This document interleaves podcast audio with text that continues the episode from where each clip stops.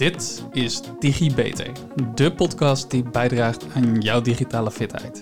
In deze podcast ga ik, Jurien Rijmakers, al dan niet met gasten, in op zaken die bijdragen aan jouw e-vaardigheid en e-vakmanschap.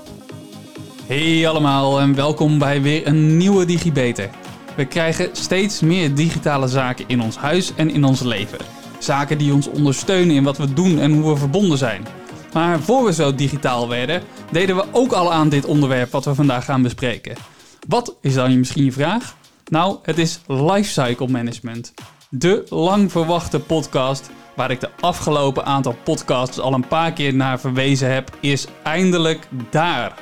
Vanuit het mooie Den Haag op deze regenachtige dag heb ik de eer om deze podcast op te nemen samen met een aantal mensen die zich hier dagelijks, maar toch zeker wekelijks wel mee bezighouden. Maar voor het zover is, wil ik jullie eerst een stukje laten horen uit de SIP Jubileum podcast waarin Marike van Wallenburg iets vertelt over de hoofdlijnenbrief. Digitale en fysieke wereld zijn sterker verweven geraakt en steeds minder van goed van elkaar te onderscheiden. Digitale processen vormen het zenuwstelsel van onze maatschappij, want ze zijn onmisbaar voor het functioneren van ons allemaal. En wat dat vraagt is dat wat wij zo belangrijk vinden in Nederland in ons maatschappelijk leven, eh, de werking van onze democratie, onze grondrechten, onze rechtsstaat, dat die een goede vertaling krijgen ook in die digitale context. Er zijn nauwelijks nog processen zonder digitale componenten. Eh, de digitale en de fysieke wereld zijn sterker verweven geraakt en steeds minder van, goed van elkaar te onderscheiden. En er zijn nauwelijks nog processen zonder digitale componenten. En het gevaar van cyberaanvallen hoef ik jullie niet te vertellen. Dus is het belangrijk om te werken aan een stevig fundament. Om daar goed het hoofd aan te kunnen bieden. Digitaal fundament, dat klinkt ook heel mooi, maar waar hebben we het nou eigenlijk over? Wij zien dat als de randvoorwaarde om de digitale overheid, de digitale samenleving en de digitale economie vorm te geven. Zodat onze grondrechten, privacy, veiligheid, toegankelijkheid, non-discriminatie, etc. worden geborgd. Uh, zodat er een voedingsbodem is om kansen die digitalisering, nieuwe technologieën ons geven, vorm te geven. Maar die er ook voor zorgt dat de digitale wereld waarin we ons begeven veilig is. Ik heb uit het verhaal een aantal stukken bij elkaar geplakt die raken aan lifecycle management. Dus als het klinkt alsof erin geknipt en geplakt is, ja, dat klopt volledig. En ik raad je ook zeker aan de CIP de Jubileum podcast waarin Marieke van Wallenburg dit vertelt over informatieveiligheid te luisteren. Uiteraard een linkje in de show notes. Marieke van Wallenburg is directeur-generaal bij het ministerie van Binnenlandse Zaken en Koninkrijksrelaties en verantwoordelijk voor de portefeuille digitalisering en overheidsorganisatie. En wat ik eruit geknipt heb, gaat over het eerste punt uit de hoofdlijnenbrief waar zij over vertelt. Het gaat over het digitaal fundament. En ik zeg het even deels in mijn eigen woorden wat Marike zegt. Een veilig fundament waarvan je weet dat de grondrechten zoals veiligheid, toegankelijkheid, privacy en non-discriminatie worden geborgd. En die dus zorgt voor een goede voedingsbodem om ook weer op verder te kunnen bouwen. En kansen die digitalisering biedt ook vorm te kunnen geven. Zo'n goede voedingsbodem voldoet daarmee dus natuurlijke wijs aan de daaraan door een organisatie gestelde technische en veiligheids Maar ook eisen waaraan je moet voldoen vanuit wet en regelgeving. Zoals, maar zeker niet uitsluitend de AVG, maar uiteraard ook, daarnaast natuurlijk, de functionaliteiten om je te helpen. Want waarom hebben we anders die digitale middelen? In de podcast vandaag gaat het dus over lifecycle management. Om te zorgen dat je de juiste beslissingen kan nemen over dat fundament. Is het fundament voldoende stevig? En waar is actie nodig om het fundament te verstevigen? Voor deze podcast vandaag stel ik jullie daarom graag voor aan mijn co-host Harold Itzes. Hey, daar ben ik dan. Hi, dag Hey. Julian. Martin Knook. Hoi. En Reginald. Hallo, Oh, sorry, Reginald. Ik weet je achternaam niet. Misschien moet je je achternaam ook even erbij zeggen. Ja, Reginald Lichtenberg. Dat zijn mijn eh, gasten vandaag. En eh, ja, het zijn allemaal heren hier aan tafel. In mijn intro heb ik al verteld waarom we eh, vandaag hier zitten. Namelijk, dat is lifecycle management. We doen het gesprek gewoon free flow. Misschien dat ik af en toe eens een gerichtere vraag stel. Of dat er vanuit de co-host, hè, vanuit Harold, dat er een extra vraag komt. Maar de overige gasten natuurlijk, trek gerust de microfoon naar je toe als je wat wil zeggen. Alles wat ik eh, zo snel kan bedenken, heeft ergens een levenscyclus. Het komt ergens tot stand en het verlaat ons ergens of het is afgeschreven. Maar heer, wat is nou het doel van levenscyclusmanagement, van lifecycle management? Ja, ehm, dus in principe zeg het woord al. Het is het beheren van de- het hele levenscyclus van een product of een entiteit. Dat, eh, dat is niet een goed woord. Van een IT-component of een IT-systeem bedoel je dat? ja, ja dat, ja, product, ja, ik vind het woord gewoon IT-component gewoon. Je gaat direct naar IT en het, is ook, het kan ook iets anders zijn, bijvoorbeeld klimaat of wat dan ook. Dat klopt. Ecologie. dat klopt. Oké, dus uh, lifecycle management, het zegt het al, het is in principe gewoon het beheren van het levenscyclus van of een product of een, eh, een niet tastbaar product zoals de IT-componenten. Oké, maar dat is waarom we het doen, hè? Maar het, wat is het doel van levenscyclusmanagement? Want dat, dat is natuurlijk eh, waar we mee beginnen. Ja, het doel is sowieso om eh, ja, wat je hebt, dat product of dat, eh, dat IT-component zo lang mogelijk eh, in, ge- in eh, gebruik te houden. En zelfs ook met de tijd laten dan meegaan als dingen veranderen. Om zo ja, het meeste waarde uit jouw product ofwel IT-component te halen. Dankjewel, eh, Reginald. Eh, Martin, hoe kijk jij daar tegen? Ja, kijk, het werd net al gezegd hè, over dat je heel snel gaat naar de IT. Eh, daar zijn we wel heel erg mee bezig. Hè. Als we dan gaan kijken, is het vooral het IV-landschap. En het IV-landschap is dan het geheel van applicaties, infra, algoritme en data. Ja, en, en dat in controle houden, de voorspelbaarheid, maar ook het inzicht in, in bijvoorbeeld de financiële componenten. Ja, dat, dat zie ik dan allemaal als onderdeel van lifecycle management. Ja.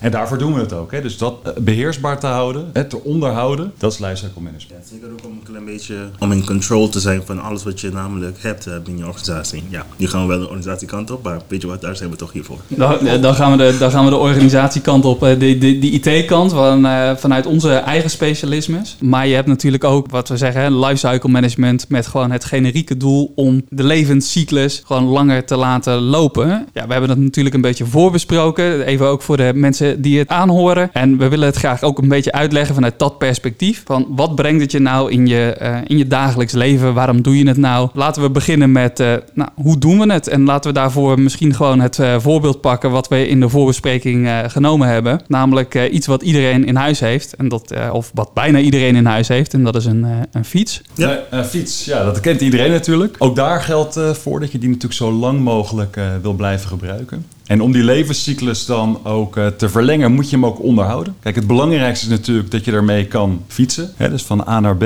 En nou ja, goed gebruik is natuurlijk al stap 1. Hè? Dus als je hem goed blijft gebruiken, dan, dan heb je de normale levensduur. Maar om hem te verlengen, zal je hem toch ook moeten onderhouden. Periodiek moeten nalaten kijken naar de fietsenmaker. Je moet ook zorgen dat hij aan allerlei zaken voldoet. Dat zijn allemaal componenten van lifecycle management. Oké, en waaraan moet ik denken als fiets voor wil pakken? Waaraan moet hij voldoen? Nou ja, bijvoorbeeld als je wetgeving bijvoorbeeld denkt, hè, dat is een hele mooie. Kijk, een wetgeving, een fiets moet verlichting hebben. Hè, dus je moet verlichting hebben, want anders ben je een overtreding. Nou, dat, is dus een, dat zijn wettelijke eisen. En dat is een mooie parallel ook eh, die je dan kan trekken met IT-assets. Eh, dat is er eentje. Als je gaat kijken naar het gebruik, hè, om, om die continuïteit te behouden, is het natuurlijk zo dat je graag wil dat je banden ook eh, eh, onderhouden worden. Dus dat ze niet lek gaan. Want als ze lek gaan, ja, dan kom je wat moeilijker van A naar B. En ja, zo zijn er nog een aantal voorbeelden. Je kan ook naar de naar persoonlijke vlak kijken. Je kijkt, sommige mensen houden om van fijn te fietsen, weet je, soepel te fietsen. Als je, als je je banden en je hele ehm, trapsysteem niet laat checken of servicen, nou, dan moet je harder trappen, maar je gaat niet sneller van, vooruit. Dus eh, zelfs dat is een component van lifecycle management. Ja, bijvoorbeeld die functionele wensen die je hebt. Hè, van waarvoor gebruik je je fiets? Is het voor eh, naar kantoor? Is het voor vrije tijd? Dat soort eisen, ja, die zijn natuurlijk ook van belang. Want welke fiets selecteer je dan? Ja, precies. Was het een racefiets of een bakfiets als je kinderen hebt, noem maar op. Precies. Ja. En het mooie is natuurlijk, je hebt een fiets. En dat kan zo zijn natuurlijk dat initieel je inderdaad gewoon een normale fiets hebt. Maar vervolgens krijg je inderdaad kinderen. Dus ja, je, je omgeving verandert. Daardoor je eisen ook. En omdat je eisen veranderen, ja, zal je dan mogelijk van nou ja, je normale fiets een verandering moeten gaan doorvoeren. Om te komen tot die bakfiets. En als je dan kijkt eh, naar nou, bijvoorbeeld die wetgeving, zoals je net aanhaalde, op basis waarvan wordt er nou beslist of jij je fiets nog wil gaan aanpassen aan die wetgeving, of dat je zegt van, nou, misschien moeten we een andere keuze maken. Ja, dat is natuurlijk wel mooi, hè? want op een gegeven moment kun je natuurlijk ook zeggen van... is het nog waard hè, om een verandering door te voeren op mijn fiets? Of moet ik inderdaad overstappen naar een, naar een hele nieuwe fiets? Hè? Is dat dan goedkoper? En dus die afweging moet je continu maken. Hè? Dus is het zo dat, ja, dat de kosten voor die verlichting... om aan die wetgeving te voldoen... kan ik dat nog doen met mijn huidige middel? En hoef ik een kleine uitbreiding te doen? Of moet ik eh, inderdaad helemaal gaan voor een hele nieuwe fiets... waar in één keer die verlichting... en ik voldoe aan de wetgeving? Ja, het is ook zo. Je moet ook een klein beetje kijken naar wat voor type fiets je hebt vanaf eh, het begin. Ik bedoel, als je een racefiets hebt en je wilt daarvan een familiefiets van maken, ja, dat gaat niet lukken. Um, dus eigenlijk, voordat je zelf de aankoop hebt gedaan, moet je al een beetje idee hebben wat, waarvoor ga je deze fiets gebruiken. En als je weet, je gaat een stadsfiets kopen, wat de meeste mensen hebben, ja, die kun je makkelijk wel vervormen naar een, naar een familiefiets of met een bakfiets, et cetera, et cetera. Maar je weet ook wel vanaf het begin, als je een racefiets gaat kopen, ja, je kan het wat op optimaler maken om sneller te kunnen racen, maar verwacht niet dat je daarvan een bakfiets ma- gaan Dus je, maken. dus je zegt, op het moment dat je een fiets koopt, dus denk aan lifecycle management, dan denk je dus ook na over de toekomst. Dus je kijkt dus niet alleen naar datgene wat je nu nodig hebt, maar je denkt ook na over aanpassingen, wetgeving, veiligheid, duurzaamheid. Dat is wat- Dat is wat ik een beetje hier uithaal. Ik zou zeggen, de grootste boodschap is lifecycle management begint niet na aankoop. Het begint ook bij de aankoop. Dus eh, ook wat mensen eigenlijk niet eh, goed bij zich eh, bijhouden wanneer ze dus een aankoop doen. Het lifecycle management begint vanaf dat moment eigenlijk al. Eigenlijk daarvoor al bij, hé, hey, ik heb een idee, ik wil een fiets gaan kopen. Vanaf dat moment moet je al gaan aan inventariseren. Wat wil ik namelijk met dit, dit ding gaan doen? En wat, moet, wat komen allemaal erbij? Nou, dan, als ik hem dan even dan terugpak, hè, dus als ik dan kijk naar het- wat het doel is, waar we mee begonnen, is dus eigenlijk lifecycle management is dus een instrument om het leven van hetgeen wat jij, eh, hè, het asset, het, waar jij mee omgaat, om dat te verlengen. Dat is een, een instrument om daarvoor op toe te passen. Ja. Ik zou zeggen, in stand houden, verlengen eh, en, en dat het dus eh, nog steeds voldoet aan de wensen in de loop der tijd. Dat is ook wat ik hier hoor. Ja, precies. De, de wettelijke eisen, functionele eisen, technische eisen. Ja, bijvoorbeeld, ja, meestal worden technische eisen wel een klein beetje verweven met wettelijke eisen. Maar ja, bedoel, als je een gaming laptop wil bijvoorbeeld, ga je niet eh, met eh, een eh, mini laptop proberen te spelen. Dat, gewoon, weet je, dat gaat gewoon heel moeilijk worden voor je. Als je echt een die-hard gamer bent bijvoorbeeld. Nee, Reginald, je zei net, nadat je een fiets dan bijvoorbeeld aangeschaft hebt, hè, en nadat, of nadat je een, stuk software geïmplementeerd hebt, dan ben je niet klaar. Dat, dat ontwikkelt zich door. Dat is op basis van ja, de andere eisen die je eraan hebt. Hè. Misschien eh, dat, je in de basis een, een fiets hebt gekocht, een, eh, zeg een oma-fiets. en eh, die oma-fiets die wil je nog, eh, wil je nog verder, eh, wil je nog verder aanpassen. Hoe kijk je daar tegenaan? Hoe kun je het beter maken? En op basis waarvan zeg je nou van, oké, op dit moment ga ik dit element toevoegen. Hoe maak je die afweging? Ja, ehm, ik zou zeggen, het is afhankelijk van je functionele eisen, ofwel je wensen die, die telkens eh, wijzigen met de, met de tijd en weet je, de situaties om je heen blijven veranderen. Er kunnen misschien, misschien nieuwe wetgeving komen, er kunnen misschien nieuwe ja, ehm, leuke ehm, functionaliteiten we gaan uitproberen op, een, op, een, op je fiets bijvoorbeeld, dat wil je dus ook gaan toevoegen. Dat, dus met andere woorden, ofwel kort gezegd, op basis van je wensen en de, de wijzigingen in, de, de, om, je, in je omgeving, daar ga je dus eh, de veranderingen in brengen. Oké, dus op basis van de wensen in je omgeving eh, ga je veranderingen aanbrengen. Dus dat betekent dus als jij een fiets aan hebt geschaft voor je, voor je kleine kind eh, wat thuis zit. Nou, die verandert natuurlijk. En die leert langzaam leert die fietsen. Het begint waarschijnlijk met een driewieler, gok ik. Hè, en dan daarna met zijwieltjes bij de meeste mensen. En de meeste kinderen daarna gaan, eh, gaan gewoon fietsen. En dan zit er nog een bepaald groeiproces in. Nou, in de eerste stappen kun je dus je fiets kun je aanpassen daarop. En dus die wiel, zijwieltjes kun je erop en eraan, eh, eraf halen. Eh, en op een gegeven moment groei je zover natuurlijk dat zo'n fiets niet meer aan te passen is. En dan zeg je waarschijnlijk van oké, ik ga naar de volgende stap. Ja, dat is eh, wat ik uh, daarmee bedoel. Dus namelijk dus, afhankelijk van je situatie. Als je ziet dat je situatie verandert zo, zo sterk dat je in principe je huidige fiets niet meer kan gebruiken. Weet je, dan ga je kijken naar betere fietsen die je kan um, kopen om die oude te vervangen. Voor de betere aanpassing, een betere, betere fit met je huidige situatie. Ja, en wat interessant is ook natuurlijk dat je op dat moment zou zelfs kunnen nadenken over iets heel anders. Hè? We hebben het over fiets, maar misschien is dan wel een brommer een beter idee. Of een motor. Hè? Omdat die dan, dat is een vergelijkbaar product. Hè? Je, je doet hetzelfde, je gaat van A naar B. Maar mogelijk is dan een volledig andere imp implementatie is, is dan beter. Maar ik zat ook bijvoorbeeld te denken aan technologische ontwikkelingen. Dat op het moment dat je eigenlijk de hele doorgaat, heb je natuurlijk ook even los van de eisen vanuit de, de gebruiker of eh, van de gebruiker van de fiets, heb je ook technologische ontwikkeling. Als je dus daar naar kijkt, naar dezelfde metafoor, heb je natuurlijk nu elektrische fietsen al enige tijd. Maar dat is wel een verandering waarvan je kan zeggen van nou ja, ik fiets om te bewegen en dan uh, van A naar B te komen. Die elektrische fiets doet precies hetzelfde. Alleen ja, het is een technische ontwikkeling, een technologische ontwikkeling. Het, uh, het makkelijker. En daarmee eigenlijk verleng je ook nog eens een keertje niet zozeer de levensduur van de, van de fiets, maar wel van de gebruiker om langer door te gaan met fietsen. Ook eigenlijk een hele interessant. Even de 12 zacht te maken. En dus we kunnen fiets misschien een mooi weer gebruiken als metafoor in de praktijk hoe we het doen. Hè. We hebben nu vooral over een fiets, de algemene informatie. Maar in ons vakgebied hebben we het ook vaak over functionele waarden, technische waarden. Uh, kun je aan de hand van de fiets uitleggen wat het inhoudt? Om dat onze luisteraars mee te geven, om dat bij te brengen? Ja, kijk, voor mij, in de behoefte van de luisteraars, ik zou het meer trekken bij, naar de gebruikerstevredenheid van die fiets. Namelijk, wat zijn um, de dingen die het voor jou um, namelijk, namelijk plezierig maakt om, dat, om die fiets te gebruiken? Ik zou dat vallen onder de, de functionele waarde. Als je kijkt naar de technische waarden, ja, wat uh, Maarten net zei van al de technologische um, ontwikkelingen.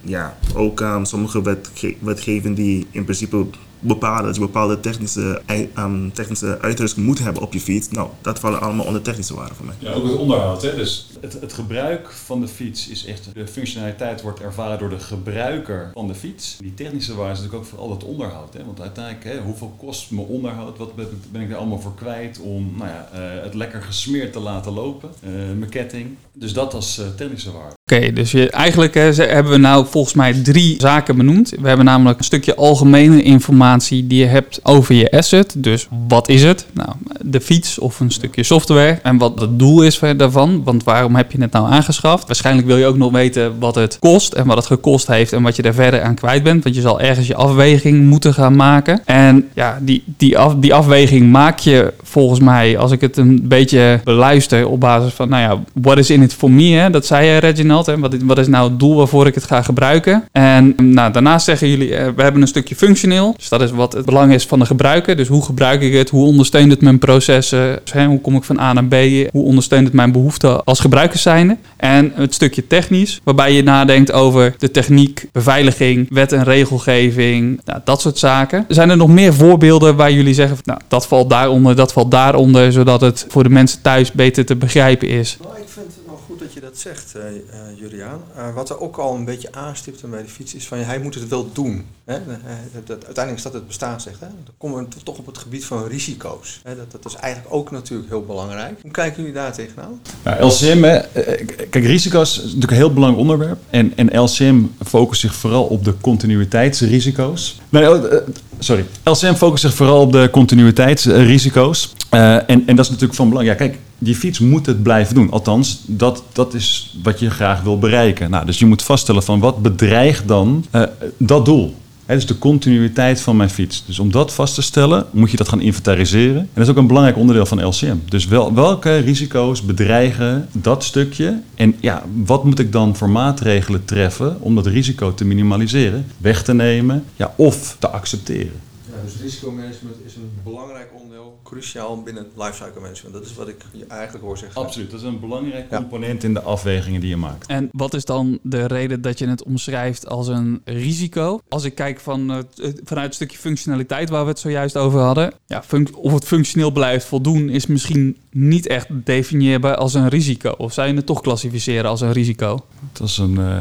Goeie vraag. Volgens mij kun je beide uh, functionele en uh, technische risico's hebben. Uh, bijvoorbeeld, technisch gezien, als je weet dat je hebt een, een, een koplamp die gewoon af en toe gewoon het wel of niet doet en dan loop je dan het risico om namelijk door de politie aangehouden te worden. Nou, dat moet je gaan vervangen, denk ik. En ja, voor de functionele risico's, ik zou een functioneel risico uh, beschouwen als bijvoorbeeld dat het, als het fiets gewoon niet meer doet wat, waarvoor je het hebt gekocht. Namelijk jij van punt A naar, naar punt B brengen. Ja, als het fiets gewoon niet meer um, volgens jouw behoeften of überhaupt hoe je het, het liefst zou willen hebben dat je van punt A naar B uh, wordt gebracht, als het niet meer daarin uh, voldoet, dan zou je dat moeten vervangen. Als de zadel gewoon niet, niet fijn meer zit, dan zou je dat moeten vervangen. Als, als, als de versnellingen niet, niet snel genoeg zijn, dan moet je dat vervangen. Ja, Martin, wat vind jij daarvan? Nee, daar ben ik het mee eens. Nee, absoluut. Kijk, de grap is, dat, dan ga je altijd nadenken hè, als je dit dan uh, hoort over hey, risico's en het mitigeren daarvan. Ja, je denkt ook altijd dan, zou een, bijvoorbeeld een mitigerende maatregel zijn om een tweede fiets uh, aan te schaffen? In dit geval. Dat dan ook, ja. Wat zo grappig is, hè, met, met deze metafoor, fiets, slot, security, dan ga je al heel snel naar applicaties. Ja. Hè? Echt de IT-kant. Ja, dan is deze metafoor eigenlijk fantastisch. Nee, dat klopt lees vaak uh, in de literatuur over lifecycle dan hebben ze over processen. Uh, gestructureerd volgens bepaalde stappen dat je dit, dit aanpakt. En dan vraag ik aan jou, Reginald, maar ook aan jou, Martin, hoe kijk je daar tegenaan? Welke processen zijn dat dan? Ja, uh, voor lifecycle management, en welke processen kijk je? Ja, het is lastig om dat nu met die fiets. Kijk, als ik met die fiets kijk, dan, dan, dan heb je natuurlijk reëel te zijn, is het lastig om te zeggen van nou we gaan daar elke keer gaan we dat eh, volgens een proces gaan we dat evalueren, gaan we eh, inschatten van wat is nu uh, de technische waarde, de functionele waarde van, van de fiets. Dat, gaat meer organisch. Hè. Dus, dus, zoals het bij mij thuis werkt, is het van nou de band is lek, kan je er even naar kijken en dan is het de afweging van nou ga ik hem plakken, breng ik hem naar de fietsenmaker of zeggen we van nou is het nu tijd om, om hem te vervangen. Um, als we gaan kijken naar echt het, het, het proces, ja, daar zitten natuurlijk een aantal stappen in. En dat probeer je ook zo voorspelbaar mogelijk te doen, zodat de organisatie ook weet waar ze aan toe zijn. Uh, en, en dat dat zijn we dus vooral als onderdeel van lifecycle management, zijn we dat vooral aan het inregelen. Uh, dus de vraag is van, wil je hem graag hebben op de metafoor? Of uh, zoals we hem daadwerkelijk hebben ingevuld bij onze organisatie? Maar als je het te lastig vindt, dan mag je het ook wel doen, kijken naar je eigen vakgebied en, en, uh, en organisatie waarin je werkzaam bent. Om het onze luisteraars duidelijk te kunnen ja. maken. Nou, kijk, wat, wij, wat wij nu vooral zien is dat, dat lifecycle management niet op zichzelf staat. Hè. Het is gecombineerd, hè. we zien daar heel veel raakvlakken met, met andere stelsels, noemen we dat. Hè. Als lifecycle management, je hebt ook architectuur en portfolio management. En dan ga ik proberen die twee dan te koppelen aan, aan de metafoor. Kijk, architectuur, zoals we dat nu dan zien, hè, we hadden het net over allerlei eisen, wet en regelgeving. We hebben allerlei wetten waaraan voldaan moet worden. Zoals we dat nu zien, met de koppeling met lifecycle management, zien we dat zij beschrijven, nou, waar moet het aan voldoen? Kijkend ook waar we naartoe willen. Dus uh, Reginald zei het in het begin, van nou, waar wil ik naartoe met mijn fiets? Uh, heb ik hem nodig om uh, te ontspannen? Heb ik hem nodig voor woon-werkverkeer of uh, voor kinderen? Heb ik een bakfiets nodig? Nou, die eisen, dat zien we dus heel erg aan die voorkant. Om vervolgens dan te gaan kijken van oké, dat proces om, om, om dan te komen tot die aanschaf van die fiets. Nou, dat zou je dan portfolio management kunnen noemen. Hè. Dus dan zeg je van nou, we hebben hier een verzoek. Hè. Iemand wil graag fietsen van A naar B, dan zal architectuur aangeven binnen welke kaders. Nou, zegt dat dat uh, het familiehoofd is. Hè, die zegt van, nou, oké, de kaders waarbinnen uh, het jouw vervoersmiddel, hè, op dat moment nog een vervoersmiddel, kan, kan worden geselecteerd. Dat moet aan deze eisen voldoen. Nou, dan is dat proces om te komen tot uiteindelijk die fiets, dat zit dan in portfolio management. En wat dan heel erg interessant is dan, dat je daarin meteen al meeneemt wat van belang is voor lifecycle management. Dus dat je zorgt dat je al rekening houdt van, oké, nou, wat, wat is mijn verwachte levensduur? Is het zo dat ik mijn fiets aanschaf voor een half jaartje, of misschien tijdelijk, hè, omdat ik hem maar tijdelijk nodig heb, of heb ik hem nodig voor de komende tien jaar? Nou, dat zijn allerlei aspecten die, die dan interessant zijn voor lifecycle management. Ik weet niet of ik nu dan voldoende duidelijk ben geweest, want het is vrij complex, denk ik. Nou, je legt het heel heel duidelijk uit, moet ik zeggen hoor. Dus het is goed om te weten dat uh, daar de architectuur, de familiehoofd daar een rol in heeft. Je moet het, uh, je moet het inzicht hebben, het overzicht hebben. Dat noem je portfolio management. Hè. Dan moeten eisen aan de grondslag liggen. En op basis daarvan vindt dan de werving plaats, of het onderhoud, of bedenk het maar.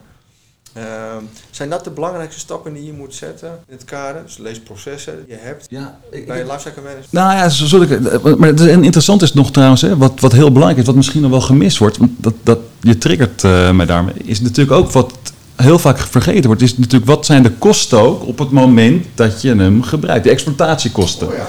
Dat is een heel belangrijk aspect. Dat wordt, dat wordt vaak vergeten, maar dat is echt een cruciaal component. Het is niet kijken van, oké, nou hoeveel kost mijn aanschaf van mijn fiets? Hè? Nou, zeg, dat is 1000 euro. Ja, die is eenmalig, die is overzichtelijk, dan weet je waaraan je toe bent. Precies. Maar je wil graag weten van, oké, wat kost dan zo meteen als ik mijn fiets heb in het onderhoud? Nou, en dan krijg je weer allemaal interessante vraagstukken. Ja, en bij dat kostenstuk, dat baten versus lasten, daar wil ik hem eigenlijk gaan afsluiten voor deze podcast en daarop volgende keer doorgaan. En nu gewoon even door met een korte recap. Want wat was nou het doel van lifecycle management? Lifecycle management is dus een instrument om een beslissing te kunnen maken. Een beslissing hoe stevig ons fundament nog is. Voldoet het fundament nog aan alle eisen? Of zijn er technische of functioneel nieuwe aanpassingen aan nodig? En zo ja, zijn die aanpassingen nodig? Wat kost dat dan? En wegen de baten daarvan op tegen de lasten? Het is dus een sturingsinstrument. En voor dat sturingsinstrument, dat sturen, dat doen we op basis van een aantal waarden die we besproken hebben vandaag. En daarbij begin ik met de algemene informatie. Dus de informatie van, nou ja, wat is het nou eigenlijk? Wat is het doel daarvan? Dus wat is je asset? Waar heb je het over? Nou, in ons voorbeeld heel veel over een fiets, maar we gebruiken de fiets als de metafoor voor het digitale asset in het landschap. Uh, wat is het doel? Nou ja, in het geval van de fiets, hè, je verplaatst voor bijvoorbeeld je woon-werkverkeer. Dus dat is het proces wat met die fiets ondersteund wordt. Nou, en vervolgens hebben we het natuurlijk over, nou, wat zijn de kosten daar nou van? Wat is de waarde van je fiets in geldelijke zin, je vaste lasten, wat eh, ben je jaarlijks kwijt aan bijvoorbeeld je fietsenstalling, wat ben je kwijt aan je wijzigingen. Maar wat natuurlijk ook belangrijk is, is wie is de eigenaar? Ben je dat zelf of is dat, zijn dat bijvoorbeeld je ouders die nog eigenaar zijn van de fiets en dus die daarover beslissen wat wanneer gaat hè, ten opzichte van het budget? Want er is natuurlijk maar zoveel beschikbaar budget. En voor die afweging ga je kijken, nou wat is in het for me? Nou, daarover volgende week ga ik zeker weer verder. Dan hebben we het gehad over de functionele waarde. Dus, dus de waarde die het voor jou toevoegt aan het proces. Hoe beter je weet hoe je bijvoorbeeld je het meeste uit je asset kan halen door een goede handleiding, hoe beter je zelf je issues op kan lossen zonder dat je daarvoor in het geval van een fiets de fietsenmaker nodig hebt om die te repareren. Hoe minder vaak je fiets ter reparatie hoeft te gaan, hoe langer je hem kan gebruiken op momenten dat je hem ook echt daadwerkelijk nodig hebt, hoe meer toegevoegde waarde dat asset voor jou heeft. Bij een fiets kun je dan bijvoorbeeld nog denken aan zaken als uh, hoeveel wensen heb je als gebruiker nog voor een nog betere fiets, zodat hij nog beter bij je wensen aansluit, zodat hij beter op je proces past. Heb je een fiets die al volledig ondersteunt, heb je een loopfiets, een kinderfiets met zijwieltjes, zonder zijwieltjes, een groeimodel tot, uh, groeimodel tot een volwassen fiets, past dat ook bij de levensfase waar je in zit? Dat soort dingen kun je dan aan denken maar ook aan bijvoorbeeld hoe goed is die gebruikershandleiding. Kan ik uh, daarmee aan de slag op het moment dat ik een vraag heb? Dus kan ik zelf mijn vraag oplossen of heb ik daar iedere keer weer de leverancier voor nodig? Nou, dat zijn zaken die van belang zijn, die meewegen in hoe goed het jou functioneel ondersteunt. En dan hebben we het natuurlijk nog gehad over die technische eisen. De, eisen vanuit je organisatie, vanuit je beleid. Zoals als je een uh, fiets koopt met een accu maar wat moeten dan altijd bijvoorbeeld de minimale specificaties van zo'n accu zijn? Of wet en regelgeving, dus dat licht wat uh, als voorbeeld gegeven werd, of die fietsbel. Daar moet je fiets gewoon aan voldoen om te zorgen dat die überhaupt de weg op mag. Op het moment dat zo'n item ja, dysfunctioneel is, zul je dat dus moeten vervangen, zul je daarmee aan de slag moeten. Op het moment dat er nieuwe wet en regelgeving aankomt, zoals het niet meer mogen bellen eh, met een mobiele telefoon in je hand op je fiets, ja, dan zul je je fiets, wil je hem technisch laten voldoen aan die wet en regelgeving, zul je toch mogelijk wel moeten gaan aanpassen. Of je zal andere maatregelen moeten gaan nemen. Zoals het niet meer gebruiken van je mobiele telefoon op die fiets. Maar als je nou die mobiele telefoon echt gewoon continu nodig hebt, omdat ja, het is een fiets voor woon-werkverkeer en jij bent onderweg toch veel bezig uh, met bellen en je moet dus snel kunnen bellen of je gebruikt hem om te navigeren, dan zal je fiets daar dus technisch op aangepast moeten worden om functioneel te kunnen blijven voldoen aan jouw wensen en aan jouw behoeften. Nou, en dan heb je nog andere vraagstukken in die techniekkant. Dat is namelijk als je leverancier dus die aanpassing wilt maken. We hadden het er ook al eerder over. Hoe snel kan zo'n leverancier dan zo'n aanpassing voor je maken? De service die je leverancier beloofd hebt, die je afgesproken hebt met die leverancier, zit die binnen de beloofde tijden? Kun je dat meten? Als je dat kan meetbaar kan maken en je ziet dat significant afnemen, dan heeft dat invloed op jouw technische waarde. En hoe lager die technische waarde en hoe lager de functionele waarde, dus hoe minder goed het technisch of functioneel voldoet, hoe hoger natuurlijk de kosten om het weer te repareren en terug te brengen naar de staat waarin het volgens jouw eisen wel voldoet of volgens de wettelijke en beleidseisen. Volgende week dus verder over de kosten in het tweede deel van de podcast met uiteraard dezelfde sprekers. Harold, dankjewel voor nu. Martin, dankjewel. En uh, Reginald, dankjewel. Tot de volgende keer. Tot de volgende Digi Beter. Vond je dit nu een leuke uitzending en wil je meer weten? Abonneer je dan op de podcast door op volgen te klikken. Het duimpje omhoog en geef een beoordeling van bijvoorbeeld 5 sterren, zodat nog meer mensen deze podcast kunnen vinden. Wil je collega's, vrienden, familie, zoals je opa of oma, net zoveel plezier doen en ze digitaal fitter krijgen? Deel dan de podcast. En zo worden we samen allemaal digitaal. Heb je een vraag over wat er verteld is in de podcast? Een bepaald onderwerp dat je graag terug zou willen horen? Of wil je gewoon laten weten dat je erg van de podcast genoten hebt? Je kan mij feedback geven en vragen stellen via LinkedIn. Zoek dan even naar Juriaan Rijmakers. Hoe dan ook, na deze podcast ben je weer een beetje digifitter. Tot de volgende keer, tot de volgende DigiBeter.